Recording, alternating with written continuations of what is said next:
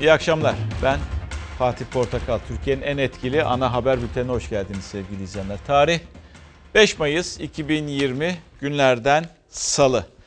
Tabela bu akşam önümüzdeki günler ekonomiyi çok konuşacağımız günler dedik sizlere. Ve sizlere insanların hikayelerini getiriyoruz. Yani işsiz kalmış, iş arayan veya işte işsizlik maaşı almak için giden veya bir çıkış yolu arayan insanların İşkur önündeki hikayelerini, gerçek hikayelerini anlatıyoruz. Ha bu akşamki tabela bir hanımefendiye özel bir tabela. Ama aslında bir çaresizliğin fotoğrafı, bir işsizliğin fotoğrafı, bir zorluğun fotoğrafı. Cümlesinin içerisinde diyor ki günde 3 lira. Tabela günde 3 lira. Ha bu evet yani neye uyarlayabiliriz ya her şeye uyarlanabilir mi uyarlanamaz mı diye aklınıza geliyordur mutlaka. Evet her şeye belki uyarlayamazsınız ama çok şeyi anlatan bir tabela olarak da kullanabiliriz bunu. Ve o çaresizliği bir şekilde bu cümleyle günde 3 lira diyerek o kadının çaresizliğini duyarak aslında milyonların da çaresizliğine kulak vermiş oluruz. Çünkü Türkiye'de iş sahibi olmak zor. Türkiye'de istediğiniz parayı kazanabilmek zor. Türkiye'de işe sahip çıkmak da zor. Bu zorluklardan geçeceğiz. Ve şimdi bulunduğumuz zaman içerisinde uşa ulaşmak da çok zor. Sahip olduğumuz işi elimizde tutmak çok daha zor. İşte zor günlerden geçiyoruz. Tabela zor günler de olabilirdi ama çok yaptık onu. Günde 3 lira simgesel anlamı olduğu için bu akşamki tabela oldu. Ee, önce e, Dün bilgisini paylaşmıştık. Şimdi e, cenazesi kaldırıldı. Bugün cenazesi kaldırıldı. Şehit Pervari ilçesinde e, kırsalında e, şehit düşmüştü. Ve bugün memleketinde Kahramanmaraş'ta şehit Bekir Gündeş piyade uzman onbaşıydı. Veda edildi kendisine. Teröristlerin mayın tuzağında şehit olan asker memleketi Kahramanmaraş'ta son yolculuğuna uğurlandı. Allahu Ekber. Siirt'in Pervar ilçesi kırsalında keşif ve gözetleme faaliyeti sırasında PKK'lı teröristlerce araziye önceden döşenen el yapımı patlayıcı infilak etti. Piyade uzman onbaşı Bekir Gündeş şehit oldu. Şehit için ilk tören Siirt 3. Komando Tugay Komutanlığı'nda düzenlendi. Şehidin naaşı daha sonra memleketi Kahramanmaraş'a gönderildi. Şehit uzman onbaşı Bekir Gündeş 6 çocuklu bir ailenin evladıydı. Sabah saatlerinde cenazesi baba evinin önüne getirilerek helallik alındı. Cenaze namazında sosyal mesafe kurallarına dikkat edildi. Allahu Ekber. Şehit Gündeş yaklaşık bir ay önce nişanlanmıştı. Siirt'teki görevine de Mart ayında başlamıştı. Şehit asker mahalle mezarlığında toprağa verildi. İçişleri Bakan Yardımcısı ve Bakanlık Sözcüsü İsmail Çataklı ise Nisan ayında yurt içindeki operasyonlarda 37 teröristin etkisiz hale getirildiğini açıkladı. Terörle mücadelede gelinen noktayı anlattı. Yurt içindeki terörist sayısının 500'ün altına düştüğünü söyledi. Yürütülen başarılı operasyonlarla yurt içindeki terörist mevcudu ilk kez 500'ün altına düşürülmüştür. Yaptığımız değerlendirmelere göre yurt içinde bulunan terörist sayısı 492'ye indirilmiştir. Yılbaşından bu yana örgüte yeni katılım tarihin en düşük seviyesine inerek 13 olmuştur. Korona ile ilgili e, az sonra yetkililer, Sağlık Bakanı bilgileri paylaşacak. O bilgiler e, tabii güncel bilgiler olacak. Yine korona ile ilgili haberler de var. Onu da aktaracağız. İlk, ta, ilk e, tabela ile ilgili günde 3 lira ile ilgili bir mesaj gelmiş. Serdar Bey göndermiş. Günde 3 lira ayda ne yapar diye soruyor. Yılda ne yapar diye soruyor. Sonrasında da toplasan yaşamaya de yeter mi diye bir soru soruyor. Üç soruda aslında çok doğru. Ayda ne yapar, yılda ne yapar ve en sonunda da toplasan yaşamaya yeter mi diye bir soru soruyor. Ve geldik koronanın güncesi 24 saatinde neler oldu bitti.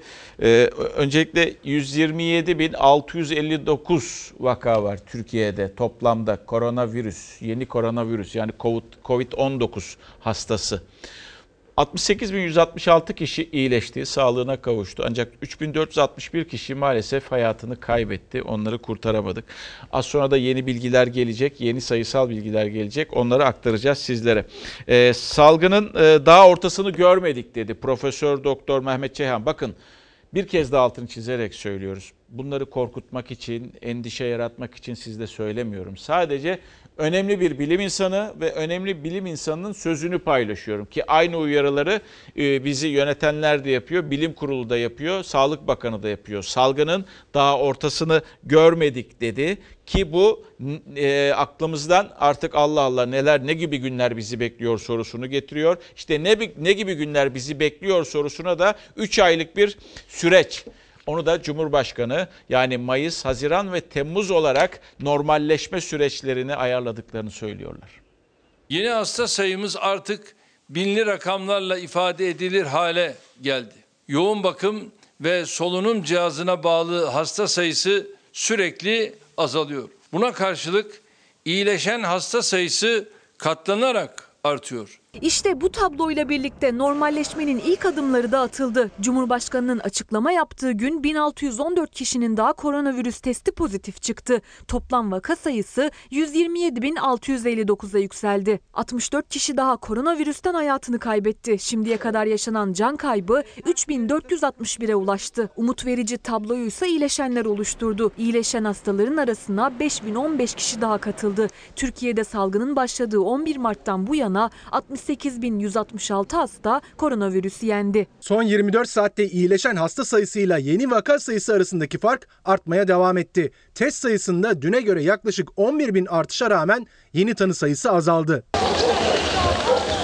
Şimdi yeni bir süreç başladı. Normalleşme takvimi Mayıs, Haziran ve Temmuz aylarına yayıldı. Sağlık Bakanlığı tüm kurum ve işletmelerin uyması gereken salgın tedbirlerine karşı rehber dokümanlar hazırladı. İlk müjdemiz 65 yaş üzeri ile 20 yaş altı vatandaşlarımızadır. Bir buçuk aydan uzun süredir sokağa çıkma yasağı bulunan 65 yaş ve üzeri 10 Mayıs pazar günü saat 11 ile 15 arasında dışarı çıkabilecek. 20 yaş altı ise iki gruba ayrıldı. 0-14 yaş arası 13 Mayıs çarşamba günü. 15-20 yaş grubundaki gençlerse 15 Mayıs cuma günü aynı saatler içinde serbest. Yüksek öğretim kurumları sınavı 27-28 Haziran, liselere geçiş sınavı 20 Haziran, askeri öğrenci sınavı ise 14 Haziran'da yapılacak. Üniversiteler akademik takvime 15 Haziran itibariyle dönecek. Askerlik terhis işlemleri 31 Mayıs'ta başlayacak. Milli Savunma Bakanlığı'nın atama, görevlendirme ve personel temin faaliyetleri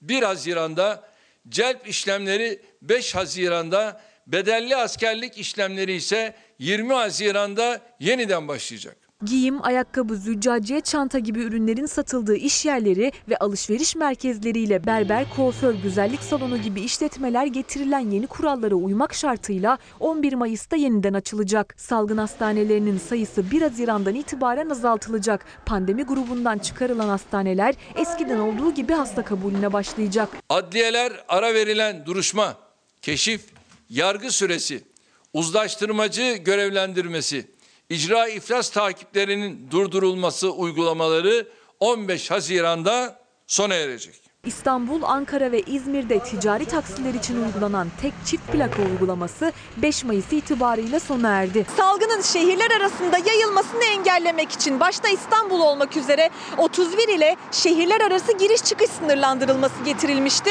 Tehlikenin azaldığı 7 ilde o kısıtlama sonlandırıldı. Ancak salgının merkezi haline gelen İstanbul dahil olmak üzere 24 ilde sınırlandırma süresi 15 gün süreyle uzatıldı. Sanayi ve Teknoloji Bakanı da 11 Mayıs'tan itibaren tüm ana fabrikaların yeniden faaliyete başlayacağını duyurdu. Salgının henüz e, ortasına bile gelmedik e, ve yüzmüş yüzmüş kuyruğuna getirmişiz gibi bir görüş kesinlikle yok. Bu dönem en riskli dönem. Salgının ilk dönemindeki aldığımız önlemlerin kat be kat fazlasını almamız ve kat be kat dikkatli olmamız lazım. Mutlaka maske kullanımı ve bu işte bir buçuk metrelik mesafenin sağlanması e, birinci döneme göre daha önemli hale gelecek. Profesör Doktor Mehmet Ceyhan en kritik sürecin şimdi başladığını söyledi. Sosyal mesafeye, hijyene her zamankinden daha fazla dikkat edilmesi çağrısı yaptı. Şu gerçeği asla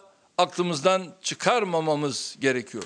Kurallara uyulmaması ve Allah göstermesin salgının yeniden yayılması halinde çok daha sert tedbirlere başvurmak zorunda kalabiliriz. Ee, geldi. Ee, Sağlık Bakanı açıkladı yeni verileri. 5 Mayıs 2020 tarihindeki yeni veriler. 33 bin e, e, test yapıldı gün itibariyle. 1832 yeni vaka var. Hani vaka e, ne zaman sıfırlanacak veya ne zaman çift tanelere inecek bilmiyoruz. Şimdi Mehmet Hoca'nın dediğiyle kıyaslıyorum. Mehmet Hoca diyor ki yani daha biz yani yolun ortasına bile gelmedik. Yolun ortasındayız veya daha yol almamız gereken çok şey var. Bir de e, önlemi de daha henüz alınmamış. Aşısı yok, iğnesi yok, hapı yok vesaire gibi. Ya bu e, vaka sayısı oldukça bizi bir tedirgin edecektir diye düşünüyorum. Hayatını kaybedenler 24 saat içerisinde 59 oldu ve bugün iyileşenlerin sayısı 5119. Genele bakacak olursak, Türkiye geneline bakacak olursak 1 milyon 204 bin 421 e, test yapıldı şimdiye kadar. Tekil kişiden bahsediyoruz. 129.491 kişide Covid-19 e, hastalığı var. E, 3520 vatandaş hayatını kaybetti. 3520 vatandaş hayatını kaybetti bugün itibariyle istatistiklere geçti ve kayıtlara geçti. 1338 vatandaş yoğun bakımda, 707 vatandaş solunum cihazına bağlı bir yaşam sürüyor ve iyileşenlerin sayısı da 73.285. Bizi de mutlu eden zaten bu.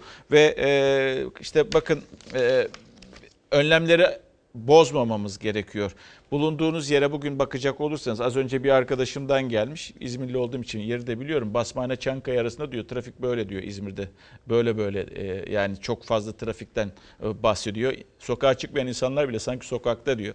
E, yani bugün e, muhabir arkadaşlar dışarıdaydı işte biz de bölündük ekipler halinde çalışıyoruz. Bu hafta çalışan ekip yani Bakırköy'e gitti, Zeytinburnu'ndaydı vesaire. Yani her yer çok kalabalık diyor. İşte evden işe gelirken görüyoruz.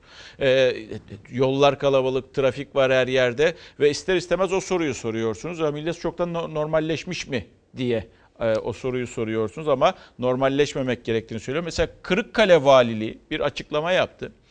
Bundan iki hafta öncesine kadar halledildiğini, e, hastaların olduğunu, 73 hastanın olduğunu ve daha sonra da tüm hastaların iyileştiğini söyledi. Kırıkkale'den bahsediyorum ama öyle bir yer ki vaka sayısında önemli bir artış yaşandı ondan sonra diyorum. Ve e, valilik uyarıyor lütfen sosyal mesafeyi, fiziksel mesafenizi koruyun. Bakın diyor 73 hastamız vardı. iyileştirdik. Hiç kentimizde e, hasta görünmüyordu ama e, vaka sayısında önemli bir artış var diyerek böyle de bir vatandaşı uyarma gereği e, duyuyor. E, sayı vermemiş ama sıfır olan yerde bir bakıyorsunuz tekrar önemli bir artıştan bahsediyor ki bu da e, sadece Kırıkkale özelinde değil her yer için geçerli ve uzmanlar da uyarmaya devam ediyorlar. Şimdi az önce e, Cumhurbaşkanı'nın e, söylediklerini dün verdiği o süreçle ilgili e, bir bütün halinde izlediniz. Şimdi her birini parçalara böldük, moleküllerine böldük. Mesela önce sınav. Şimdi bu bu aileler için gerçekten çok önemli bir dönüm noktası. Hem liselere geniş e, giriş sınavı yaşayan aileler için hem yüksek öğretime e, gidecek yüksek öğretim kurumlarının sınavı yani üniversite sınavı. Bunlar aileler için çok önemli. Çocuklar için çok çok önemli. Hayatlarını belirleyecek, hayatlarına ışık tutacak, hayatlarına bir basamak olacak e, sınavlardan bahsediyoruz. Ve öyle ki YKS değişti. YKS Temmuz ayındaydı ve dün geri geldi. Zaman geriye doğru işledi. Yani bunları işte e, eleştiriyoruz. Bu olumsuzlukları aslında eleştiriyoruz. LGS 20 Haziran dendi. YKS Temmuz ayından e, 27-28 Haziran'a getirildi. Peki uzmanlar peki uzmanlar ne diyor? Uzmanlar ne diyor? Yapacak bir şey yok. Hanımefendi çok doğruyu söylemiş. Çünkü bir eğitimciyle konuşmak istedik. Hatice Yılmaz eğitim koordinatörü. Arkadaşlar Genç arkadaşlar yapacak hiçbir şeyiniz yok. Hiçbir şeyimiz yok. Ne yapacaksınız? Oturacaksınız, çalışacaksınız. Ve hanımefendinin dediği gibi ahlayıp uflamak yerine çalışmak lazım. Yüksek Öğretim Kurumları sınavı 27-28 Haziran'da. Liselere geçiş sınavı 20 Haziran'da.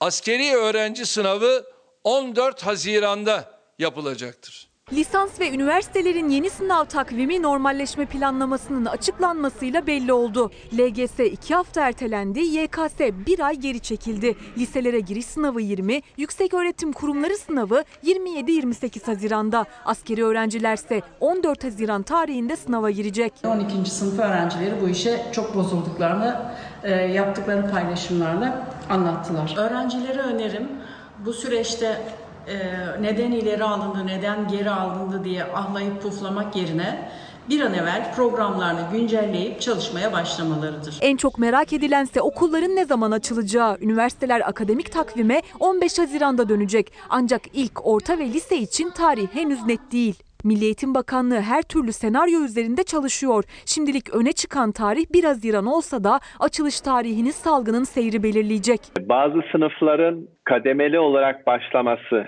e, örneğin 4-8 e, ya da 12. sınıfların gelmesi e, ya da okul öncesinin e, başlaması daha önceden e, ve belli sınıflarda e, sınıfın yarısının e, sabah gelmesi ya da öğleden sonra gelmesi gibi o kadar çok senaryo var ki elimizde. Sınavların salgın şartlarında nasıl gerçekleşeceği de şekillenmeye başladı. Liselere giriş sınavına her öğrenci kendi okulunda girecek. 15 yaş üstü için zorunlu olan fotoğraflı kimlik belgesi bulundurma şartı bu yıl kaldırıldı. Sınav yine iki oturumda gerçekleşecek. En çok merak edilen soruysa o iki oturum arasında 45 dakikalık molanın olup olmayacağıydı. Milli Eğitim Bakanı Ziya Selçuk bu konuya da açıklık getirdi. İki oturum arasında 45 dakikalık mola gerçekleştirilecek ancak öğrenciler gözetmenler eşliğinde sosyal mesafeyi koruyarak molaya çıkabilecekler ve veliler bu kapıdan içeri sınav boyunca giremeyecekler. Öğrenciler birinci dönem içeriklerden sorumlu olacak. Öğrenci ve velilerin yanında rehber öğretmen bulunacak. Sınıflar, salonlar dezenfekte edilecek ve her bir görevliye, öğretmen ve öğrenciye maske ve dezenfektan verilecek. Hangi sınıfta kaç öğrenci olacak? Oturma planı nasıl yapılacak? Bu henüz net değil. Planlama aşamasında bilim kurulunun tavsiyesi doğrultusunda netleşecek. Benzer salgın tedbirleri yükseköğretim kurumları ve askeri öğrenci sınavları için de geçerli. YKS için yapılan önemli değişiklikleri ise YÖK Başkanı Yekta Saraç sosyal medya hesabından duyurdu. Adaylar lise son sınıfın ikinci dönemindeki konulardan muaf. 135 dakikalık sınav süresi 30 dakika uzatıldı. Sınav süresi 165 dakikaya çıkarıldı. Üniversiteye giriş sınavı için baraj olarak belirlenen 180 puansa 170'e çekildi. Bu sayede 112 bin ile 195 bin arasında ilave aday öğrencinin lisans programlarına yerleşebileceği tahmin ediliyor. Bu ay içerisinde konu tekrarlarını bitirsinler kendileri. Mutlaka daha önceki yılların çıkmış sınav sorularını gözden geçirsinler. EBA programında sınava yönelik hazırlık programları var. Özellikle öneriyorum Yani yapacak hiçbir şey yok. Ahlayıp uflamaya da gerek yok. Oturulup çalışılacak arkadaşlar. Şimdi tabii e, tarih değiştiğine göre Temmuz'daki tarihi Haziran'a çekince şöyle bir düşünüyorsunuz. İşte Milli Eğitim Bakanı da bir şeyler söylemiş ya şöyle olacak böyle olacak şu da olacak bu da olacak filan gibilerinden. Bence daha çok şey değişir. Yani tarih değişti bu ülkede. Yani o yüzden bir ay öne geldi. Ee, yani kuralların değişmesinde de bence e, biraz daha zaman tanımak gerekiyor. Önümüzdeki günlerde farklı farklı şeyler de duyabiliriz. Mesela maskeyle o çocuklar nasıl onu e, yapacaklar? Yani kaç saat boyunca artık böyle maske ağızlarında olacak ve o maskeyi çıkartmayacaklar. Helin de diyor ki lütfen diyor Allah rızası için maskeli girmeyelim sınava duyurur musunuz diyor. Duyuralım ve bunun da belki e, önleme yani sosyal mesafe alındıktan sonra belki o maske çıkartılabilir mi? Önümüzdeki günlerde tabii koşullar da önemli. Mesela bir başka arkadaşımız da şöyle demiş. Günde 3 lira nefes bile alamazsın bu ülkede demiş.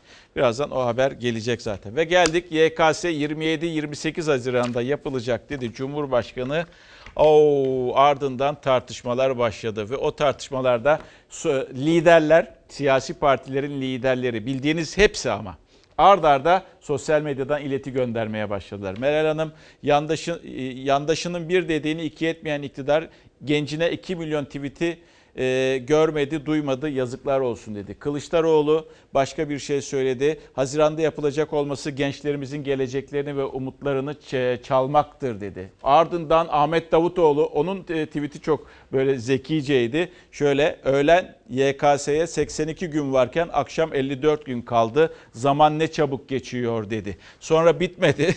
Sonra bitmedi. Temel Karamollaoğlu gençlerimiz e, geleceğimizdir. Kimse geleceğim gençlerimizin geleceğiyle oynamasın dedi Saadet Partisi lideri. Ali Babacan Deva Partisi'nin lideri ailelerden ve öğrencilerden gelen taleplerin e, görülmediğini, dikkate alınmadığını e, söyledi. Bütün hepsi liderler o sözün sonrasında akşam saat 8'den sonra bu tweetleri atmaya atmaya atmaya atmaya başladılar. Sonra da saatler 03.53'ü gösteriyordu. 03.53'ü sabaha karşı yani. Sahur vakti 4'e 7 kala Cumhurbaşkanı'ndan bir tweet geldi. Ve o tweet sevgili gençler diyerek başlıyordu.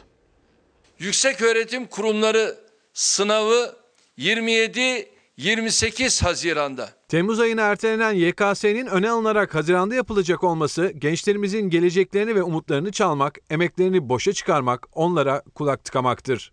Gençlerimizin hayallerini çalmayın. Her şey alt üst oldu. Bu tamamen bir siyasal karar, bir eğitimcinin alacağı karar değil. Yandaşının bir dediğini iki etmeyen iktidar gencine gelince 2 milyon tweet'i görmedi, duymadı. Yazıklar olsun. Koronadan önce üniversite sınav tarihi 20-21 Haziran'dı. Salgın patladı. Yeni tarih Temmuz'un 25-26'sı olarak açıklandı. Tam öğrenciler önlerinde 82 gün olduğu hesabını yaparken sınava kalan zaman 54 güne düştü. Cumhurbaşkanı YKS'nin 27-28 Haziran'a çekildiğini duyurdu. Eğitimde attığımız adımları da Sağlık Bakanlığımızın ve Bilim Kurulumuzun tavsiyeleri doğrultusunda belirledik. Gençlerimiz geleceğimizdir. Kimse gençlerimizin geleceğiyle oynama hakkına sahip değildir. Ve şu an hepimizin eli ayağı hani birbirine girmiş durumda çalışamıyoruz. Kılıçdaroğlu'nun buluştuğu öğrenciler gibi sınav tarihinin öne alınmasına milyonlarca öğrenci sosyal medyadan tepki gösterdi. Siyasette öğrencilerin tepkisine destek çıktı. Gece boyunca tepkiler çığ gibi büyüyünce Cumhurbaşkanı Erdoğan sabaha karşı saat 3.53'te sosyal medyadan peş peşe mesaj paylaştı. Sevgili gençler 2020 mücadele ile geçiyor. Zorluklara millet olarak göğüs geriyoruz. Çok şükür başarımız ortada. Bu başarının altında anlık reflekslerle değil istişare ve sorumluluk bilinciyle alınan kararlar var.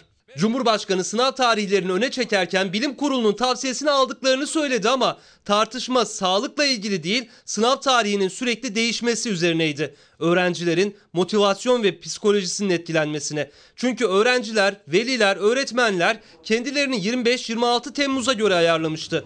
Hazırlıklar da o tarihe göre yapıldı. Allah aşkına gençlerin en önemli sınavı hayata hazırlandıkları ve yıllarca birikim yaptıkları sınavla ilgili iki ay içinde üç farklı tarih ilan edilir mi? Bu gençlere yapılan bir zulümdür. YKS 2020 ilk açıklandığı tarihten bir hafta sonrasına ertelendi. Bu sınavda müfredattaki önemli bir kısımdan muaf olacaksınız. Sınav süresini de artırdık. Barajı 10 puan düşürerek 170'e çektik. Bu yılki maraton inşallah çok daha rahat geçecek. Cumhurbaşkanı sınav süresini artırdık dedi ama öğrenciler sosyal medyadan bu kez de sınav süresini artırmanın zamanla yarışın da olduğu sınavda rekabetin önüne geçeceğini savunup itiraz ettiler. İletişim Başkanı Fahrettin Altun ise baraj puanının düşürülmesiyle üniversiteye girme şansı artacak savunması yaptı. Milyonlarca gencimizi ilgilendiren bir sınavın tarihini belirlerken ben yaptım oldu mantığıyla hareket eden iktidarı almış olduğu bu yanlış kararı düzeltmeye davet ediyorum. Gençlere bir söz vereceksiniz ve o sözün gereğini yapacaksınız. Verdiğiniz sözün arkasında duracaksınız. Gençlerin sisteme, devlete, kurumlara duyduğu bu güvensizlik emin olun koronavirüs salgını kadar tehlikelidir. Siyasetten yükselen tepkiler Erdoğan'ın cevabı. Değişmeyen tek şey öğrencilerin yeni bir tarihle karşı karşıya kalması. Şimdi Cumhurbaşkanı tabii o tweetinde yani bu kararları istişareler sonunda alıyoruz diyor. İyi de o zaman neden bir ay önceden bu tarihi Temmuz tarihini açıklıyorsunuz? Ve işte e, Mayıs başında da Mayıs'ın dördünde de e, öğrencilere diyorsunuz ki hayır biz onu bir ay e, öne çektik, Haziran ayına çektik. Ama şu, bana da şöyle mantıksız gelmişti. Bakın nasıl mantıksız gelmişti. Şimdi Haziran, Temmuz, Ağustos yaz ayları. Türkiye dış e, turizmde belki bu yıl ne kadar umduğunu bulacak bilemiyorum. Dünyadan da bahsediyoruz. Ama şöyle düşünmüştüm Temmuz ayında. O yerli turizmde e, neredeyse durma noktasına gelecek diye düşünmüştüm. Milli Eğitim Bakanı o tarihi açıkladığında. Yani Temmuz ayında çocuklar sınıfa hazırlanacak demek. Haziran ve Temmuz'da da yerli turistin e, dolaşamayacağı, gidemeyeceği e, veya az dolaşacağı bir turizm mevsimi olacak diye düşünmüştüm. Belki bunu düşünmüş olabilirler. Bundan dolayı yani turizmi ayaklandırmak gerekiyor biliyorsunuz. Zaten sıkıntılı bir sektör ve e, o yüzden e, bu sınavı bir ay erkene çekmiş olabilirler. Bildiğim için demiyorum. Sadece aklıma geldiği için sizlerle paylaşmak istedim. Şimdi dedim ya moleküllerine parçaladık ve e, maskeden gideceğiz. E, bu maske ile ilgili tabii yani bu da ya istişareler sonunda mutlaka alındı da işte o istişareler neden en başta yapılmıyor da şimdi neden bu duruma geliniyor? Ondan sonra da eleştirdiğiniz zaman da eleştirdiğiniz oluyorsunuz. Sizden daha kötüsü de olmuyor aslında bakacak olursanız. İşte son karar maskede şu. Gelinen son karar dün itibariyle maske yine satılacak ama öyle düşünüyorum ki bu kez devletin fiyat kontrolü sıkı olacak. Piyasada satışına izin vermediğimiz cerrahi maske ve bez maske satışına halkımızın kolayca ulaşabileceği yerlerde izin vermeyi planlıyoruz. Maske dağıtmayı beceremeyen bir iktidardan bahsediyoruz. Bu maskeler meselesini konuşurken gülme hissi geliyor. Topluma 5 maskeyi dağıtamadılar. Ücretli mi olacak, ücretsiz mi? Kim dağıtacak? Vatandaş kimden alacak? Koronavirüsle mücadelenin ilk gününden bu yana maskenin dağıtımı da paralı mı parasız mı olacağı da tartışma konusu. En son satışı yasak açıklaması yapan Cumhurbaşkanı bu kez satılacağını duyurdu. Muhalefet iktidarı maske dağıtamamakla suçladı. Kesinlikle parayla maske satışı yasaktır. Cerrahi maske ve bez maske satışına izin vermeyi planlıyoruz. Cumhurbaşkanı Erdoğan'ın yaptığı iki açıklama arasında bir ay var. O bir ayda maske sorunu bir türlü çözülemedi. Maskeye ulaşmanın da uygun fiyata bulmanın da zor olduğu günlerde Ticaret ve Gümrük Bakanı Ruhsar Pekcan'ın maske satacağız açıklamasıyla başladı büyük tartışma. İnşallah satışını gerçekleştireceğiz. Bakanın açıklaması tepki çekince Cumhurbaşkanı PTT'ye başvurulması halinde haftada 5 adet maskenin eve teslim gönderileceğini duyurdu. Yoğunluk oldu, sistem çöktü. Başvuru E-Devlet üzerinden yürüdü ama kimine gitti, kimine gitmedi. Salgın riski olduğu için maske zorunlu hale geldi. Eczaneler dağıtsın dendi. Bu kez de herkese kod gitmedi. En son yine satma noktasına geldiler. Büyük ihtimalle yandaş bir şirket büyük bir yatırım yaptı. Maske türlerine göre bir üst fiyat belirleyerek halkımızı mağdur edebilecek girişimlerinde önünü keseceğiz. Yeni fırsatçılara koruyuculuk taşımayan maske satanlara açık kapı bırakmamak için ücretli maskelerin sadece eczanelerden verilmesi şarttır. Maskelerin nerede satılacağı da konuşuluyor. Türk Eczacılar Birliği Başkanı eczanelerde satılmasını talep etti. Maske zorunlu olduğu için eğer yoksa markete girilemiyor ya da otobüse binilemiyor. Vatandaşın derdine ücretsiz maske ile başta Ankara, İstanbul, İzmir belediyeleri çare olmuştu. Yine devam kararı geldi belediyelerden. 17 istasyonda 17 noktada maske matiğimiz var. Yeni alanlara da koymaya devam edeceğiz. İzmirlileri maskelerle buluşturacağız. Bu süreçte işleri bozulan terzi kardeşlerimize destek için maske üretim kapasitemizi iki katına çıkarıyoruz. Üretim fazlası günlük 100-150 bin maskeyi halkımıza ücretsiz dağıtma kararı almış bulunuyoruz. Maskeden tuluma, tanı kitinden solunum cihazına kadar her konuda sadece kendi kendimize yetmekte kalmadık. 57 ayrı ülkeye yardım yaptık. AKP iktidarı kendi insanına dağıtamadığı maskeyi dünyaya ulaştırmayı becerdi. Elimizde vardı da e, vatandaşımıza vermedik sanki yurt dışına verdik gibisinden tamamen yalana dayalı bir propagandadır. Vatandaşlarımızın memnuniyeti çok yüksek noktadadır. Bakın şöyle denirse eğer birileri yalan söylüyor demektir. Ülkede maske veya dezenfektan madde veya üst koruyucu madde e, kıyafette üretimde bir sorun olduğunu zaten yani en azından söylemedik biz. Biz öyle olduğunu söylemiyoruz. Eğer öyle söyleyenler de varsa onlar yalan söylüyor demektir. Dağıtımda sıkıntılar yaşanıyor. Bir mevcudu ulaştıramadık insanlara. Yani o kadar zıtlaşmalardan dolayı, o kadar çok karşı karşıya gelmelerden dolayı maalesef belediyeler de kullanılamadı e, istenildiği gibi. Muhtarlıklar kullanılmadı ve o maskeler ulaştırılamadı. Burada eleştirdiğimiz nokta bu. Bakın bir tane bir mesaj var. Bunu okumak istiyorum. Tolunay Bey ne diyor? Aslında belki de sürecin bir e, sürecin bir e, analizini yapıyor. Maskeler nerede diye sorduğumuzda bizi bölemeyecekler. Dolar 7 TL diye sorduğumuzda asla başaramayacaklar. Esnaf ne olacak diye sorduğumuzda diz çöktüremeyecekler. Her şeye zam ne yapacağız diye sorduğumuzda bayrağı indiremeyecekler. Faturalar ne olacak diye sorduğumuzda CHP hep senin yüzünden günde 3 lira diye yazmış. İşte bir şeyleri eleştirdiğiniz zaman ister istemez ötekileştiriyor, ötekileştiriliyorsunuz. Bir şeyleri olumsuz eleştiri getirdiğiniz zaman kafanıza uymuyorsa ki gelinen noktada bakın hangi noktadayız? Sizi kötü gözle görüyorlar, hedef gösterebiliyorlar. Bu durumun olmaması gerekiyor. Herkes bu milletin bir yurttaşı, bu devletin bir yurttaşı. Bizler de e, bu topraklarda hepimiz yaşıyoruz. O yüzden bir bütünüz. Kimse kimseyi ötekileştirmemeli. Kimse kimsenin aleyhine aslında çalışmıyoruz. Ya çalışanlar varsa onlar ayrı mesele. Dert hepimizin derdi. Ve e, şimdi tabii ki işte e, az önce bu Tolunay Bey'in mesajını okudum ya. Gelinen noktayı özetliyor aslında. Bir şeyleri eleştirdiğin zaman maalesef de e, hedef haline getirilebiliyorsunuz. Ve siyaset arasında da e, tartışma var.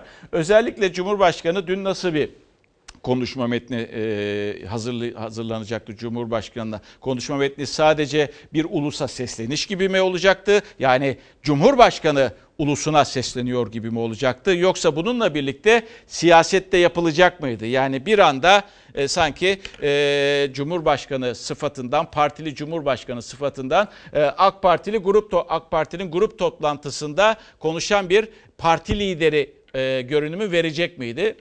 Verdi yanıtmalı Cumhurbaşkanı ve hedefinde hedefinde sadece Cumhuriyet Halk Partisi vardı. Kemal Kılıçdaroğlu ne milli ne yerlisin diyordu. Tek parti devrinden beri milli iradenin üstünlüğünü, demokrasiyi, sandığı hazmedemeyen bu faşist zihniyet hala vesayet, darbe, junta özlemiyle yanıp tutuşuyor. Yeter artık ya ne darbesi Allah aşkına. Ne darbesi? Ne darbesi? 20 Temmuz'da yapılan bir sivil darbe e, vardır. Bu darbe hala Türkiye'yi darbe hukukuyla yönetmektedir. Darbeci geleneğin siyaset ayağı olan CHP suçüstü yakalanmıştır. CHP demokrasi hazımsızlarının kervanbaşıdır. Cumhurbaşkanı Erdoğan'ın CHP'yi hedef alan sert çıkışı ve hemen sonrasında gelen yeni açıklamalarla darbe polemiğinde sinirler gerildi. Darbeyle ülkenin yönetimini gasp etme hevesiyle hareket edenler 15 Temmuz'da milletten aldıkları derse rağmen aynı yolda yürümekte ısrar ediyorlar. CHP yöneticilerin sadece son bir haftadaki beyanlarını alt alta koyduğunuzda ortaya çıkan tablo bize bunu söylüyor. Hiç kimse CHP'de darbeyi savunmadı ve savunmaz da. İma bile yok. Ne darbesi? Beceriksizliğini örtmek için darbe tartışması başlatıyor. Bir darbe tartışması başlatıldı ya bunun hiçbir mesnedi yok. Neden Milli Savunma Bakanı Hulusi Akar susuyor? Nerede Hulusi Akar?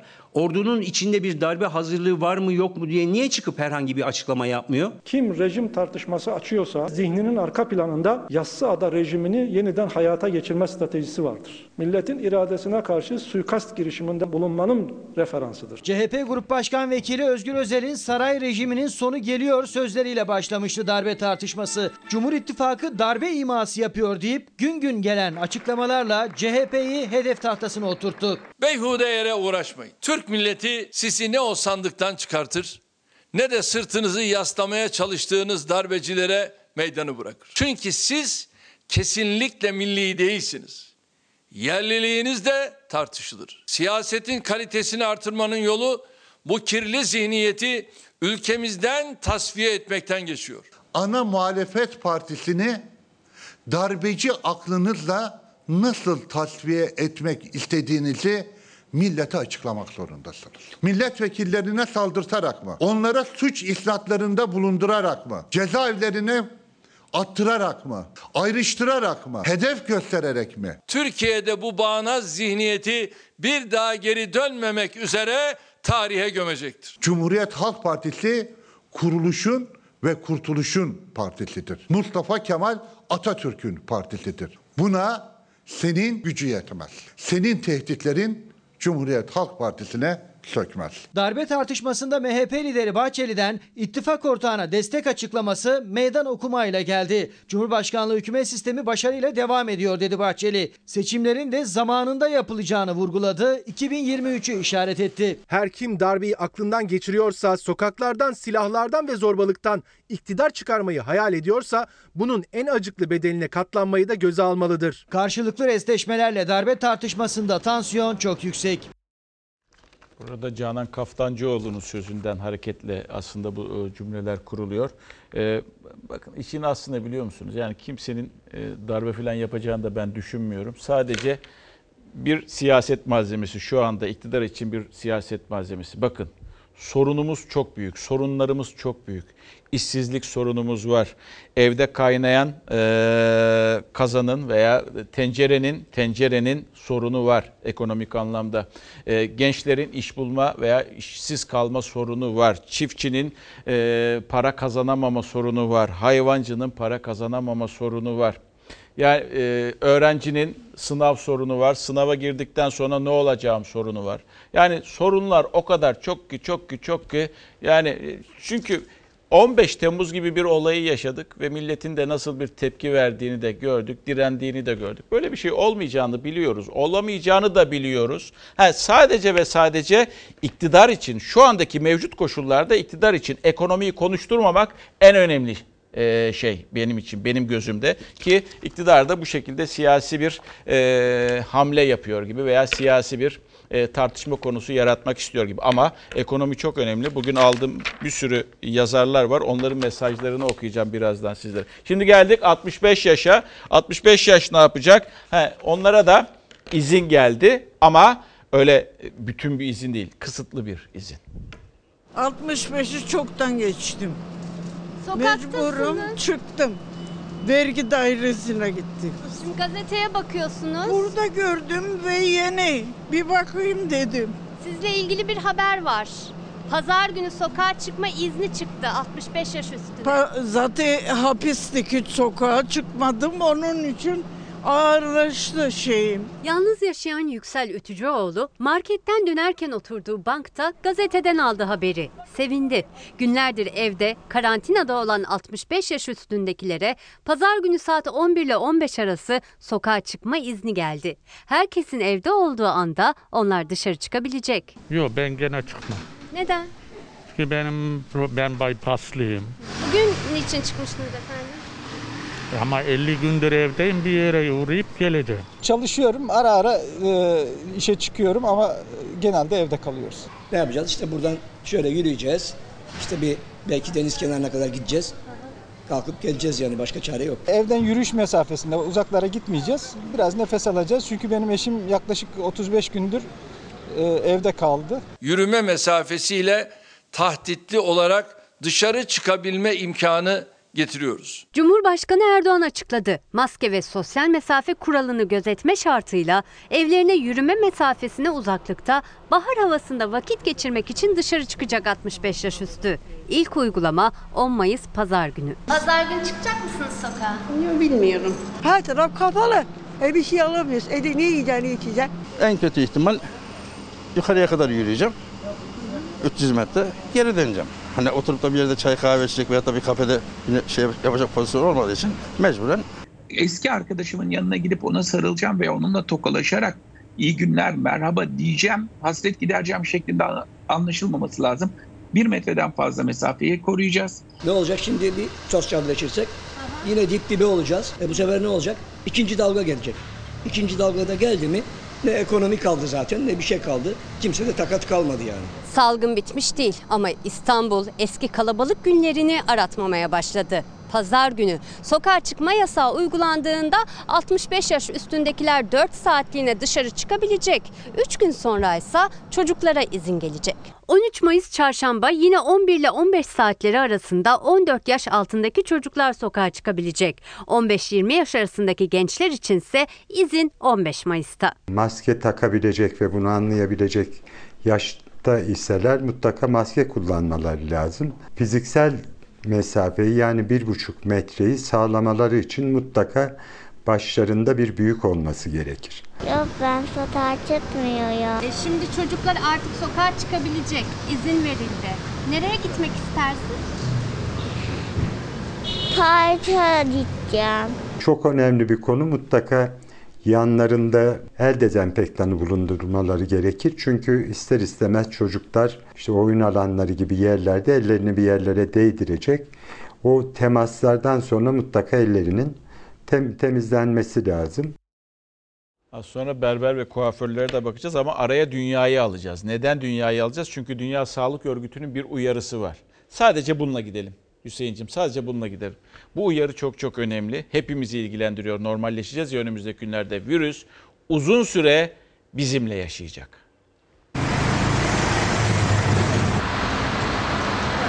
Kısıtlamalar gevşetildi, uyarılar peş peşe geldi. İran ve Almanya ikinci dalganın kesinlikle yaşanacağını açıkladı. Normalleşme adımlarının her şeyin bittiği anlamına gelmediği uyarısını yaptı. Hollanda ve İsrail virüsü engelleyen antikor geliştirildiğini duyurdu. Covid-19'la mücadelede önemli bir adım daha atıldı. Dünyanın koronavirüsle mücadelesinde kritik günlerden geçiliyor. Salgında ölenlerin sayısı 255 bin eşiğinde. Vaka sayısı 3 milyon 670 bini buldu. Hastalığı yenenlerin sayısı 1 milyon 210 bini geçerken Dünya Sağlık Örgütü'nden endişelendiren açıklama geldi. Genel Direktör Doktor Gebreyesus, Covid-19 uzun süre bizimle kalacak dedi. Virüsün panzehirinin ulusal birlik ve küresel dayanışma olduğunu vurguladı. Dünya Sağlık Örgütü hastalığın görüldüğü ülkelere 2019 sonuna ilişkin kayıtları inceleme çağrısı yaptı. Bu çağrının nedeni Fransa'da 27 Aralık'ta zatüre teşhisiyle tedavi edilen bir hastanın aslında Covid-19 olduğunun anlaşılması. Oysa Fransa ülkede ilk vakanın 24 Ocak'ta görüldüğünü açıklamıştı. Dünyada normalleşme hamleleri sürerken Avrupa Hastalık Önleme ve Kontrol Merkezi Direktörü kısıtlamaları gevşeten ülkeleri uyardı. Halkta yanlış beklentiler oluşturulmamasını istedi. İnsanlar salgının yakında bitmeyeceği yönünde psikolojik olarak hazırlanmalı uyarısı yaptı. Önlemlerin kademeli kalktığı Almanya'da ise bulaşıcı hastalıklar konusunda en yetkili isim olan Profesör Wieler konuştu. Wieler, ikinci dalganın kesinlikle geleceğini hatta üçüncü dalgayı beklediklerini söyledi. Buna yönelik tüm hazırlıkları yaptık dedi. Son 24 saatte 63 kişinin virüsten öldüğü İran'da benzer açıklama yaptı. Tahran, havaların ısınmasının koronavirüsü yok etmeyeceğini, sonbaharda ikinci dalgayı beklediklerini söyledi. Eyaletlerin yasakları yavaş yavaş kaldırdığı Amerika'da ise 1338 kişi daha hayatını kaybetti. Covid-19 nedeniyle ölenlerin sayısı 69.974 olurken hava sıcaklığının yükselmesiyle birçok şehirde park ve sahiller doldu taştı. Virüse karşı aşı geliştirme çabaları da sürüyor. Amerika'da 14 ayrı aşı üzerinde çalışılırken İsrail ve Hollanda'dan yapılan açıklamalar gözleri bu iki ülkeye çevirdi. İsrail Savunma Bakanı salgını önlemede çığır açacak adım attıklarını söyledi. Bilim insanlarının virüsü vücutta nötralize eden antikor geliştirdiğini açıkladı. Hollandalı bilim insanları ise virüsü engelleyen yapay antikor geliştirildiğini duyurdu. Antikorun virüse maruz kalan ama henüz enfekte olmamış bir kişiyi koruma potansiyeline sahip olduğu belirtildi. Hayvanlar üzerinde yapılan deneylerde başarı sağlandığı açıklandı. Yine bir reklam zamanı diyeceğim sizler ama döndüğümüzde berber ve kuaförlerin çalışmalarıyla ilgili nasıl bir e, sistem benimsenecek o var. Yine işkur önünden e, insan hikayelerini paylaşacağız. Düğünler yaklaşıyor. Düğünler olacak mı olmayacak mı? Turizm sektörü nasıl bir sezon bekliyor? Turizm sektörünün emekçileri ne bekliyor? Onları konuşacağız. Bir dakika. İyi akşamlar. Tekrar haberlere kaldığımız yerden devam ediyoruz. 8'e de 3 dakika var bu arada. Birazdan e, iftar zamanı, İstanbul için iftar zamanı geldiğinde bir başka tarihi camiye gideceğiz. Soner Daba, kameraman arkadaşım bu kez o tarihi caminin görüntülerini ekrana getirecek ve e, tarihi bilgilerini de e, o caminin paylaşacağım birazdan. Saat tam İstanbul için iftar vakti 8.12'de 20.12 8'i 12 geçe iftar vakti olacak. Geldik berberlerle devam edeceğiz dedik. Çünkü berberler ve kuaförler kuaförler e, bir buçuk aydır e, kapalı. Yani şöyle bir bana da baktığınızda anlarsınız zaten berbere gidemiyoruz edemiyoruz bir şekilde kendimiz düzeltiyoruz. Eşimiz alıyor yandan şuradan giriyor buraya fazla giriyor filan böyle bir şey oluyoruz. Tıraş oluyoruz kendimiz. Tabii kadınlar için çok daha zor. İşte yok manikürü, pedikürü, işte dip boyası odur budur filan onlarınki daha da zor. Yani aslında ülkede Ülkede doğal saçlar ortaya çıktı bak. Valla o ülkede doğal saçlar ortaya çıktı. Sarışınlar azaldı ülkede. Espri yapıyoruz yani. Başka türlü haberleri nasıl yumuşatacağız yani kimse alınmasın üstüne. Şimdi berberler açılıyor 11 Mayıs'ta. Gereken temizlik şartlarının sağlanması, randevu sistemiyle çalışılması ve koltuk sayısının yarısı kadar müşteriye hizmet verilmesi şartıyla berber, kuaför, güzellik salonu gibi işletmeler 11 Mayıs'ta faaliyete geçebilecek. Çarşamba günü 13 13'e yazıyorum o zaman Necati Bey. Ombre. Ayın 11'inde hemen gideceğim. Hatta bugün aradım e, berberimizi. Geleceğimi söyledim, saatimi aldım. Randevu defterleri dolmaya başladı. Kuaför ve berber salonları, güzellik merkezleri 11 Mayıs pazartesiden itibaren randevu sistemiyle ve yarı kapasiteyle çalışacak. Saçı uzayan, saç boyasının dibi gelen randevusunu aldı bile. Üç koltuktan birisi ortadaki koltuk çalışmayacak. İçeride sosyal mesafe. Gidecek misiniz? Evet.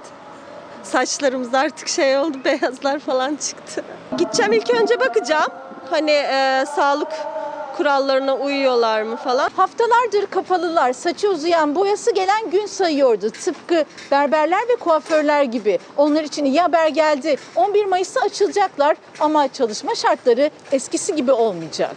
Müşteri içeri girerken elini yapacak kardeşim. Berberlerde saç tıraşı olacak ama sakal için berberler odası uyardı. Bizde sakal tıraşı yasak usturayla. Çok büyük risk taşıyan bir işlem. Tutacaksınız, temas edeceksiniz. Yani uzadı evet. Evet hatta bıyık bıyıklar bile bıyıklarımız bile saklıyoruz çünkü evet. Bıyıklarımız da var. Koronavirüs tedbirleri kapsamında 21 Mart tarihinde faaliyetlerine geçici olarak ara verilmişti. Kasalarına tek kuruş girmeyen berber ve kuaförlerin dayanacak gücü kalmamıştı. Esnafa 25 bin liralık kredi verildi. E, bunu çoğu alamadı. Çoğu hala bekliyor, sırada bekliyor. Dükkan sahibi e, 45 gündür çalışmıyor. Bunun kirası var, elektriği var, çocuk bezine ihtiyacı olan. Sütünü alamayan insanlarla e, şeyler karşılaştık. Hem esnaf hem de müşterisi açılması taraftarıydı ama bir taraftan da salgın endişesi ve tehlikesi sürüyor. Hiç sevinmedim çünkü hiç gerek yok. Ee, zaten ilk e, temas orada daha çok oluyor ve bence en saçma açılan yer de kuaförler. Şimdiye kadar durmuştuk herhalde birkaç gün daha durabiliriz. İçeride kimseye ikram ağırlama olmayacak, bekleme olmayacak. Çıkan müşteri çıkacak, gelen müşteri gelecek. Aynı eczanelerdeki gibi filan. Randevu sisteminde gelişmesini sağlayacağız. Berber ve kuaför de müşteriler de maskeli olacak. Randevunun son 15 dakikası müşteri sonrası temizliğe ayrılacak. Maskesiyle zaten sokaktan geliyor. İçeri girdi, elleri dezenfekte oldu. Üstünde beyaz iş önlüğü, gömleği. Eskiden ustalarımız yaparlardı onları. Şimdi bir de şöyle bir şey. Bu SMS sistemini oturturlarsa berberler ki oturtan da e, daha avantajlı duruma gelir diye düşünüyorum. Öyle e, kağıda yazmak yerine SMS sistemiyle eğer müşterilerin tabii e, telefonlar alındıysa o zaman daha performans açısından daha güzel olur. Ama tabii şimdi yani herkes uyuyacak mı berberlerde? Bir de öyle de bir sorun var. Yani gittiğinde abi beni tıraş et dediğinde yok abi dışarıda mı bekle diyecek. Nasıl olacak? Yani bunu zaman gösterecek. 11 Mayıs itibariyle e, o gün epey dolu bir haberle karşınızda olacağız. Yani yeni haberlerle karşınızda olacağız. Tabii merkezi yönetim iktidar 11 Mayıs'ı işaret etti. Kısmi olarak ama yani bakınız tam e, tam bir normalleşmeden bahsetmiyoruz. Yanlış anlaşılmasın bu kısmi olarak bir normalleşme süreci başlıyor. Tabii e, yereldekiler de benzer adımlar atıyorlar. Mesela Ankara'da Ankara'da e, Mansur Yavaş hijyen kiti dağıtacak. Önemli. E, İstanbul'da ne yapıyor? İstanbul Belediyesi de öğrencilere e, online online deneme sınavı yapacak. Hepimiz biliyoruz ki dayanışma gerektiren zor günlerden geçiyoruz. Genç yol arkadaşlarım, eğitim hayatınızı ve yaşamınızı kolaylaştırma adına hem maddi hem manevi her alanda yanınızda olacağız demiştim. Normalleşme adımlarına belediyelerden destekler de başladı. Esnafa hijyen desteğiyle birlikte sınav stresi yaşayan İstanbullu gençlere de kaygıyı azaltmak için LYS ve TYT simülasyonları hazırlanıyor. Ekranda gördüğünüz adrese müracaatlarınızı yapınız. Salgın sürecinde Türkiye'de tüm belediyeler dezenfekte hizmetlerini sürdürdü. Ancak şimdi sıra çocukların ve 65 yaş üstü kişilerin sokağa çıkma yasağını sınırlı izinlerle gevşetmedi. Bu da yerel yönetimlerin hijyen tedbirlerini artırması gerektiği anlamına geliyor. Ankara Büyükşehir Belediye Başkanı Mansur Yavaş duyurdu ilk olarak. 11 Mayıs'tan itibaren dükkanlarını açabilecek olan berber ve kuaförlere seslendi sosyal medyadan. Zor günler geçiren esnafın dükkanlarını dezenfekte etmeye hazır olduklarını, hijyen seti hediye edeceklerini duyurdu. Kolonyayı döküp işlemi sonlandırıyoruz. Günlerdir sokağa çıkması yasak olan 65 yaş üstünü de unutmadı Yavaş. Maske ve dezenfektan temini dışında bir de tatil müjdesi verdi. Bugünler geride kalınca talep ve başvuru sırasına göre belediyemizin tatil tesislerinde siz büyüklerimizi misafir etmek isteriz. Böyle bir güzelliğe imza atıp Türkiye'ye örnek olalım. Aydın Büyükşehir Belediyesi de maske ve kepenklerini kaldırmaya hazırlanan esnafa hijyen desteği verecek. Trabzon Büyükşehir Belediyesi ise yine belirli bir saat aralığında sokağa çıkacak minikler için parkları hazırladıklarını açıkladı. Malzemeler sağlıklı olanlarla yenilendi, onarıldı ve dezenfekte edildi. Antalya'da da turizm sezonu için hazırlık vardı. Dünyaca ünlü Konyaaltı sahilinde belediye ekipleri altyapı onarımını ve kumsal temizliğini yaptı. Ancak tatil öncesinde önemli başka sınavlar var. Zorlu dönemde uzaktan eğitim alan öğrenciler LGS ve TYT sınavlarına da evlerinde hazırlanıyor. İstanbul Büyükşehir Belediye Başkanı Ekrem İmamoğlu sınav stresi çeken gençleri unutmadı. İstanbul Büyükşehir Belediyesi olarak gençlerimizin yanındayız. Pandemi sürecinin zorluklarının sizi de çok etkilediğinin farkındayız. Sizler için hazırladığımız online deneme sınavlarının çalışmalarınıza katkı sağlayacağını umuyorum. İBB 4 deneme sınavı düzenleyecek. LGS sınavına 30 bin, TYT'ye ise 40 bin öğrenci girecek. Başvurular ibb.istanbul internet adresi üzerinden 9 Mayıs'a kadar alınacak. Öğrencilerle cevap anahtarı ve çözümlerin anlatımlı videosuysa sınav sonrası aynı gün paylaşılacak. Ama her gence söylüyorum sakın kopya çekmeyin. Ve işte belediyeler e, im- imkanları ölçüsünde insanlara ulaşmaya çalışıyorlar. Ulaşınız bize dedik. Mesela Gölbaşı Belediyesi, Ankara Gölbaşı Belediyesi ulaştı. Onlar da e, kendi bünyelerinde yapabildikleri kadar e, insanlara telefon numaralarından insanlar belediyeye ulaşıyorlar. İşte e, çocuk bezinden kırtasiye malzemelerine, tesisat, evdeki tesisatın bozulmasından, elektrik sorunundan sorunun halledilmesine kadar belediye, Gölbaşı Belediyesi yardımcı oluyor ve iftar, iftarlıklar hazırlıyorlar ve ulaşılmasını istiyorlar. Gölbaşı Belediyesi kendilerine ulaşılmasını istiyor. Onlar da e, hem iftarlıklar dağıtıyorlar hem de 65 yaş üstüne de evlere servis yapıyorlar. Ankara Gölbaşı Belediyesi'nde böyle bir uygulaması var. İBB'nin bir uygulamasıydı. Askıda fatura e, ve İBB'den bir açıklama geldi. E, yani faturalarınızı ödeyemiyorsanız hayırseverlerle buluşturuyorlar. O hayırseverler de ödenemeyen vatandaşların faturasını ödeyecek. Böyle bir sistem. 24 saatte ihtiyaç sahibi 8691 ailenin başvurduğunu toplam tutarın 1 milyon 990 bin lira olduğunu söylüyor. Hayırsever vatandaşlardan yarından itibaren 6 Mayıs'tan itibaren askıdaki faturaları alıp ödeme yapmaya başlayabilecekler. Ve e, tabii bu süreç içerisinde düğün mevsimi geliyor. Düğün mevsimi artık az kaldı. Tabii yani Haziran, Temmuz, Ağustos, Eylül bunlar düğünün yapılabileceği mevsimler. Bizde de arkadaşımız var evlenecek haber merkezinde. Onlar da hep kafalarında soru işaretleri var. O soru da şu.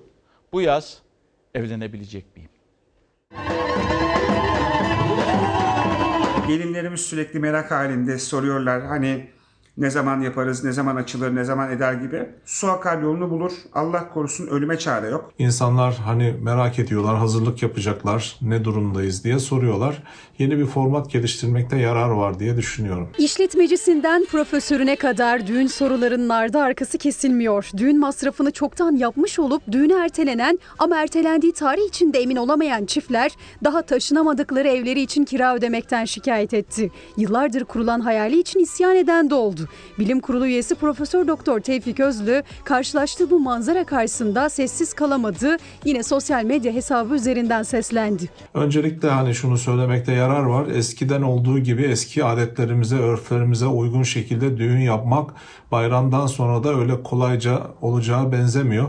Risk devam edecek çünkü. Mayıs sonu yani Ramazan bayramı itibariyle başlaması planlanan normalleşme sürecine dünya evine girmek isteyen çiftler de dahil edilecek mi henüz açıklanmadı. İşletmeciler ekonomik boyutla seslendi yetkililere. Biz yeme içme sektörünün birer paydaşıyız. Bu yıl e, %40 iyimser bir kayıp tahminimiz var. Bunun %50'ye de çıkması olası. İşletmeciler olasılıkları hesapladı ancak gelin ve damatlar hazırlıktan vazgeçmedi. Online çeyiz alışverişi %30 artarken kına geceleri bile internet üzerinden yapılıyor. Düğün iptalleri yerine ertelemeyi tercih etti çiftler. Yaklaşık olarak %2-3 civarında zaruri sebeplerle iptal eden misafirlerimiz var. Ama bunun dışındaki ağırlıklı kesim ertelemeyi tercih etmiş durumda. Fakat bu esnada oluşacak yeni taleplerle ilgili de bir kaygımız var. Çünkü şu anda herhangi birimiz evlenmeye karar verdiğimizde ne zaman açılacağını bilemiyoruz. Bilgi kirliliği ve bilinmezlik sektörde soru işaretlerinin kalkmasını istiyor. Ancak uzmanlara göre yine kurallar sürecek, düğünler de eskisi gibi olmayacak bir süre.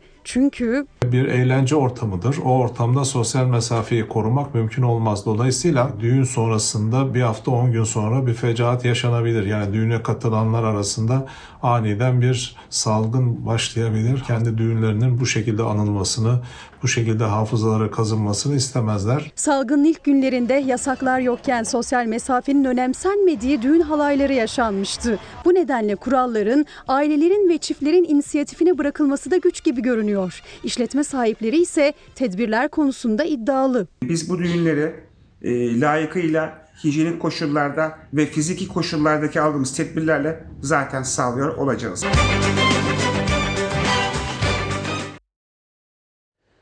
Ve e, şimdi İstanbul için e, iftar vaktine yaklaşırken bir başka camiye gidiyoruz. Aslında Dolmabahçe Camii olarak biliyoruz onu sevgili izleyenler. Dolmabahçe Camii'nin esas ismi Bezmi Alem Valide Sultan e, Camii. İstanbul'un en nadide yeri. Nerededir diye soracak olursanız Taksim'den aşağı doğru sarkın denize doğru. Boğaz'ın hemen kıyısında çay bahçelerinde olduğu yerde ve işte orada bütün e, azametiyle, bütün güzelliğiyle e, orada bu cami yükselir. Dolmabahçe Camii olarak aslında biliniyor. Beşiktaş stadıyla böyle karşı karşıyadır aslında bakacak olursanız. Şimdi Sultan Abdülmecid'in annesi Bezmi Alem Valide Sultan tarafından başlatılıp ölümü üzerine Sultan tarafından tamamlanan bir cami ve e, yine e, tasarımı Balyan ailesine ait.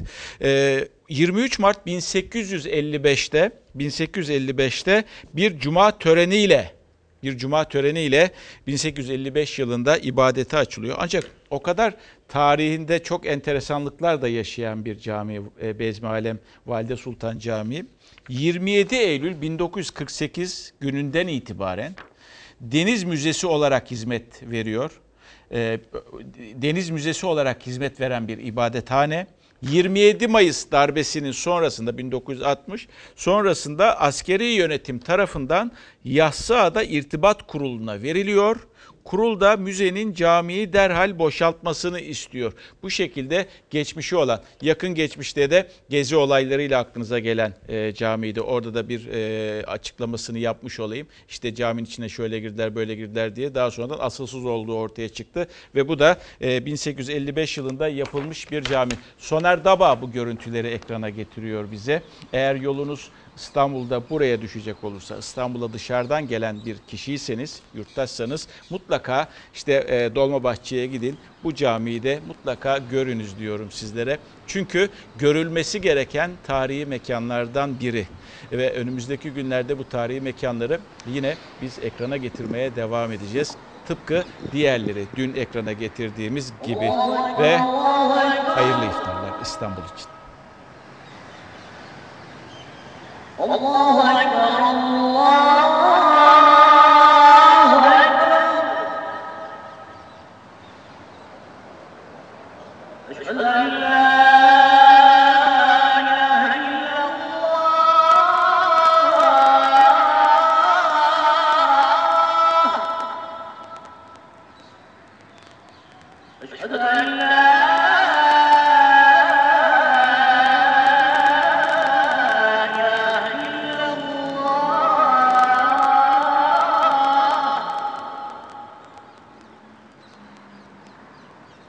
أشهد أن محمدا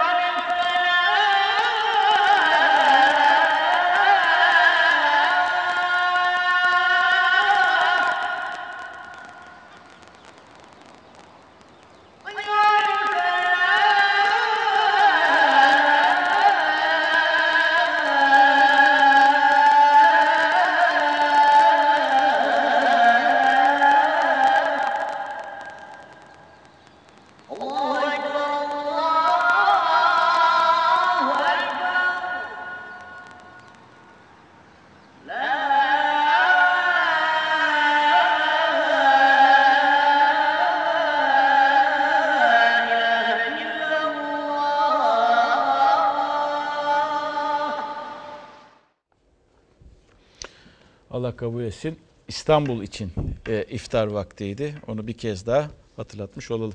Şimdi yine biz hayatın gerçekliği içerisinde haberlerimizi sunmaya devam ediyoruz. Şimdi Ayça diyor ki bu ortam içerisinde önce Ayça'nın mesajını okumadan önce şöyle söyleyeyim. Yani halinden, yaşamından vesaire ya ekonomi çok iyi, her şey 4 numara, e, 10 yıldız gidiyor diyen var mıdır? Diye düşünüyorum. Mutlaka vardır aramızda ama şöyle bir e, genele baktığımızda aslında çok insanın geçim sıkıntısı içerisinde olduğunu düşünüyoruz. Gençlerin ise hayal kuramama gibi bir sorununun olduğunu biliyoruz. O gençlerin hayal kurabilmesi için de e, bizi yönetenlerin yol açması gerekiyor, imkanları oluşturması gerekiyor, zemini oluşturması gerekiyor. Zannedersem Ayça onlardan biri. Ekonomi o kadar kötü ki diyor kendi penceresinden baktığımda. Yaşım genç olsa da gönlüm ihtiyar. Bu da demek oluyor ki ben 65 yaş 65 yaş sokağa çıkma yasağına takıldım. İyi ki de takıldım. Zaten cepte para yok. Günde 3 lira diye de eklemiş. Bu akşamki tabelamız günde 3 lira. Peki günde 3 lira nereden çıktı diyecek olursanız bu hanımefendi söylüyor. İşkur önüne gidiyor ve işkur önünde orada nasıl bir hayata sahip olduğunu, nasıl bir yaşama sahip olduğunu mikrofonumuzu anlatıyor. İşte o anı Beril'e aktarırken, Beril'e anlatırken ağzından bu cümle çıkıyor. Günde 3 lira. İnan pazara çıkaramıyorum hani gezdiremiyorum ihtiyaç işte gördüğünü istiyor. Ya 3 lirayla eşim e, ekmek parası bırakıyor düşün ben ne yapayım. Yok ki hani idare etmeye çalışıyoruz bakalım. Günlük 3 lirayla idare etmeye çalışıyor. 3 çocuk annesi Hatice Bilgen. Eşi çalışamıyor. Engelli maaşı var ama 5 kişilik aileye yetmiyor. Evini geçindirmek için Hatice Bilgen acil iş kurun kapısında iş arıyor. Temizlik olur. Yani ne iş olsa yapacağım yani o derece şu an. Oğlum asker diyor. Anne çok zor da kalmayın ben iyiyim diyor ama sıkıntı. Daha yollayamadık. Size sağ olun kolay gelsin. Birkaç hafta öncesine kadar iş kurun önündeki kuyruklar yine uzuyordu. Ama artık ihtiyaçlar acil hal aldı. Borçlar birikti, kira birikti, su, doğalgaz. Çocuk 3 yaşında. Her gün bir şey istiyor. Aramıyoruz. Ben geçiyorum bir kenarda ağlıyorum. Ne yapayım? Eşim hamile olduğundan dolayı canı çok şey istiyor. İş istiyorum. Ne iş olursa olsun yapmak istiyorum. Yani affedersin hayvan gibi çalışmaya da razıyım. Ama ben evime ekmek götüremiyorum. Nişanı yaptık işte 8. ayda da düğün vardı. İşten güçten olduk. Tam da öyle sıkıntılı bir zamanda denk geldik. Evlenebilecek misiniz? Şu an için çok zor. Alacaklarımız vardı, yapacaklarımız vardı. Hani çalışsak gene bir şekilde onları yapacaktık ama şu anda yapamayacağımız için mecbur iptal edeceğiz. Adem Şahin sevdiği kadınla hayallerini erteledi işsiz kalınca. Henüz 6 aylık evli Ceyhan çifti ise borçlarını nasıl ödeyeceğini düşünüyor. Çünkü biri işsiz, diğerinin de maaşı yarı yarıya düştü salgın günlerinde. 6 aylık evliyiz. En çok paraya ihtiyacımız olduğu dönemler. Çok şükür eşim var yanımda. O destek oluyor bana. Çalışıyorsunuz. Ee, çalışıyorum ama ben de kısa çalışma e, ödeneği alıyorum. Tabii maaşımız oldukça düştü bu dönemde. Ee, Birçok da borcumuz var tabii ki. O yüzden e, işsizlik maaşı şu anda bizim için önemli. Hayatımda ilk defa devletten yardım istiyorum. Bakalım alabilecek miyiz? Yüzler değişiyor ama evini geçindirmek için mücadele verenlerin hikayesi aslında aynı. İşini kaybedenler bir umut, iş ya da işsizlik ödeneği için iş kurun önündeler. Bu kez yalnız değildiler. Bugün Ankara'daki iş kurun önünde farklı bir kalabalıkta var. Yardımseverler iş arayanlara yardım etmek için buraya geliyorlar ve sayıları da vakit ilerledikçe giderek artıyor. Ankara Büyükşehir Belediyesi ekipleri de iş kurun önündeydi. İhtiyaç sahiplerinden en azından birkaçına gıda yardımında bulunabilmek için Mansur Yavaş da yeni bir proje başlattı. Buraya başvuruda bulunan kişilere maddi yardımda yapmak arzusundaydık ama bütçemiz sınırlı. Onlara gıda yardımı yapacağımızı ve bununla ilgili de başkanımızın bir mesajını, bir mektubunu getirdik. Hemen hemen her gün uğruyorum. Personellerimle ilgili kısa çalışma ödeneğine başvurmuştuk.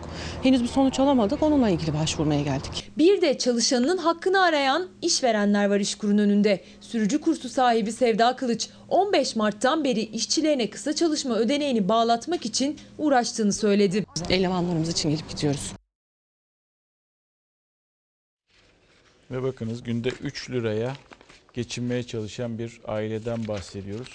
Ha, bunları vermediğiniz zaman, bu haberleri paylaşmadığınız zaman Türkiye'de evet bunlar olmuyormuş gibi görebilirsiniz. Ha, yaşanmıyor hiçbir şey veya Türkiye'de her şey güllük gülistanlık gibi de görebilirsiniz. Ama bunlar yaşanıyor ve birilerinin bu sesleri duyurması gerekiyor.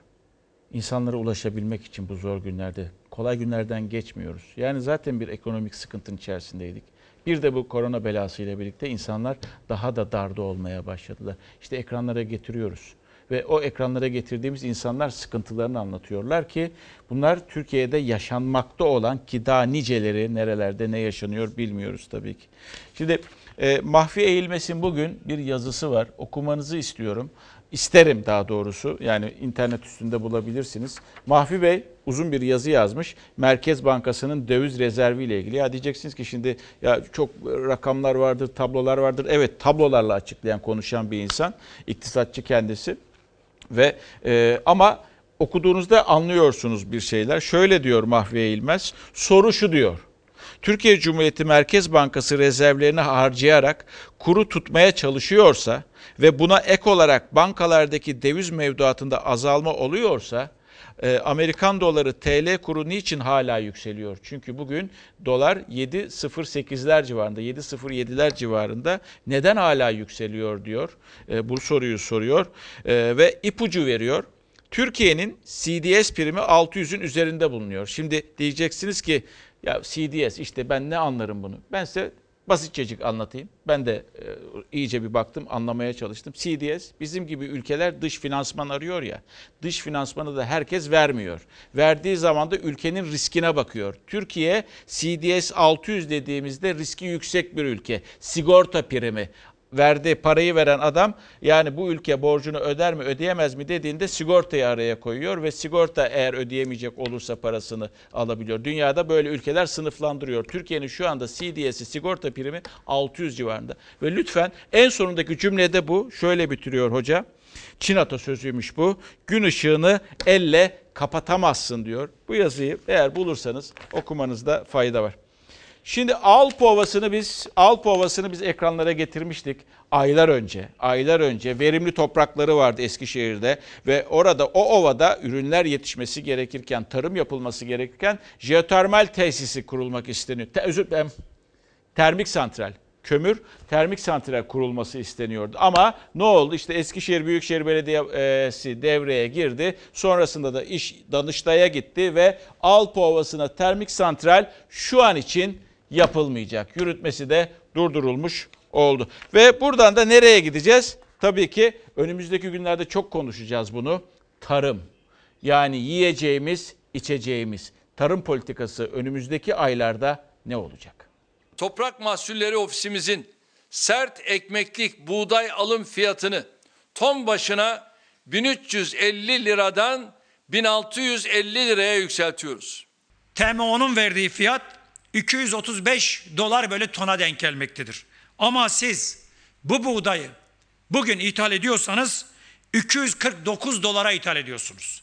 Yani ithal ettiğinizin altında bir fiyat vermişsiniz. Yetiştiricilerimize hayvan başı 65 lira olmak üzere toplamda 100 milyon liralık yem desteği veriyoruz.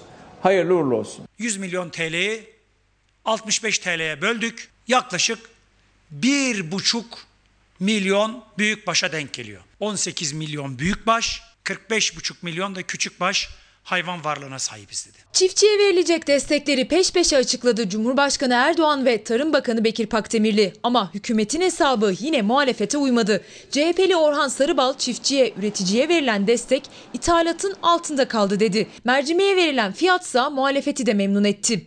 Arpa alım fiyatını ise ton başına 1100 liradan 1275 liraya çıkartıyoruz. Saray hükümeti buğdayda, arpada, bakliyatta bu fiyatları verirken öbür tarafta gerçekten ithalat rekoru kırmaya devam ediyor. Nasıl çiftçiyi koruyacaksınız bununla? Ton başına bakliyat alım fiyatlarını da kırmızı mercimekte 3500 lira, yeşil mercimekte 3200 lira, Kırmızı mercimekte 2500 lira olan fiyatın 3500 lira olması önemli. Koronavirüs salgınıyla tüm dünyada gıda daha da değerlendi. Ülkeler tarım ve hayvancılık üretimini arttırırken Türkiye'de ithalat hız kesmedi. CHP'nin raporuna göre 2019'un ilk 3 ayına göre 2020'de gıda ithalatındaki artış dolar hesabıyla %39, Türk lirası hesabıyla %47 arttı. İnsaf olması lazım bir iktidarda ya. Olacak şey mi?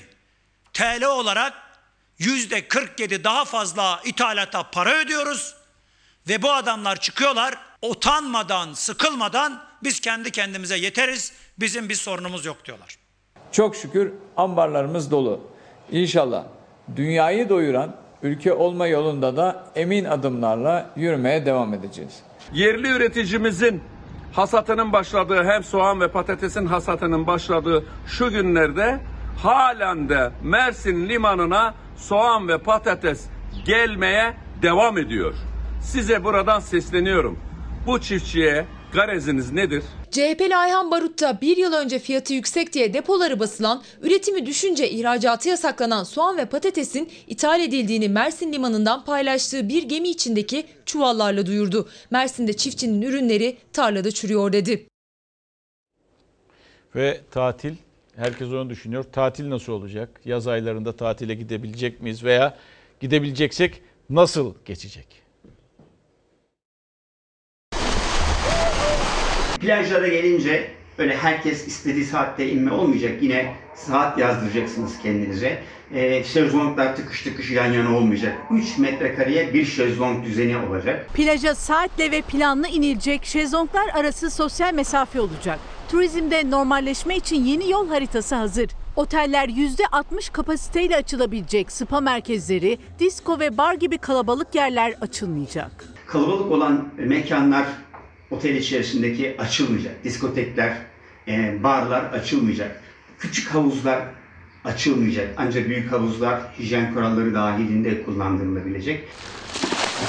Turizm sektörü koronavirüs salgınının yaratacağı ekonomik sıkıntılardan en az hasarı görsün diye yeni yol haritası hazırlandı. Otellerin %60 kapasiteyle açılmasına karar verildi. Kültür ve Turizm Bakanlığı eylem planına göre oteller ve transfer araçlarına sertifika verilecek. Oteller sosyal mesafe kurallarına göre yeniden düzenlenecek ve bu sertifikayı alan işletmeler açılabilecek. Sağlık personeli bulunduracaklar 24 saat. Tüm personel sağlık kontrolünden geçtikten sonra e, içeri alınacak. Sürekli müşteriyle muhatap olan personel otelden ayrılmayacak tüm sezon boyunca. Müşterilere gelince onlar da sağlık kontrolünden geçip ve hijyen tünelinden geçtikten sonra otele alınacaklar. Boşalan ve dezenfekte edilen bir odaya yeni müşteri ancak 12 saat sonra kabul edilecek. En büyük değişikliklerse yemek sisteminde yapılacak. Açık büfe sadece görsel amaçlı camekan arkasından sunulacak ve sunumunu garsonlar yapacak. Restoranlar öyle 500 kişilik restoranlar tıklış tıklış her şey dahil sistemi olmayacak artık. Sabah kahvaltınızda siz akşam ne yiyeceğinizi o kartlara işaretleyeceksiniz menü kartlarına. Akşam garsonlar tarafından size servis edilecek. Kalabalık olmasın diye e, akşam yemeği saatleri ikiye bölünecek. 6'dan 8'e kadar bir shift, 8'den 10'a kadar bir shift olacak. Otel ve transfer araçlarının her noktasında dezenfektanlar, uyarıcı tabelalar bulunacak. Yurt dışından ilk uçuşların Almanya ve Rusya'dan başlaması planlanıyor. Hayat değişiyor. Ve geldik e, Türk e, Türkiye Futbol Federasyonu Başkanı Nihat Özdemir Fahrettin Koca'yı ziyaret ediyor. Sağlık Bakanı daha sonra bir fotoğraf paylaşıyorlar. Sosyal medyada da e, Fahrettin Koca bunu paylaşıyor ama mesaj da veriyor. Şöyle diyor Sağlık Bakanı, Federasyon Başkanı Sayın Nihat Özdemir'le bugün bir görüşme yaptık. Liglerin devamının federasyonun kendi iradesiyle alacağı bir karar olduğunu belirttik salgında futbol coşkusunu erteleyen ve hayatta artık oyunun bazı kurallarının değiştiğini gören futbol severlere sevgilerimi sunuyorum. Yani futbolda eskisi gibi olmayacak. Tribünde olanlar için de sahada mücadele edenler için de eskisi gibi olmayacak. O da e, bize koronavirüslü günlerde e, gelen başka bir e, artık e, olay. Ve veda ediyoruz. Bizden sonra e, Türk filmi var. Kız Babası ekrana gelecek izleyebilirsiniz. Yarın daha mutlu, daha huzurlu, daha güvenli bir dünya ve tabii ki Türkiye'de buluşmak umuduyla. Hoşçakalınız. Her köşesi cennetin ezilir yerler için bir başka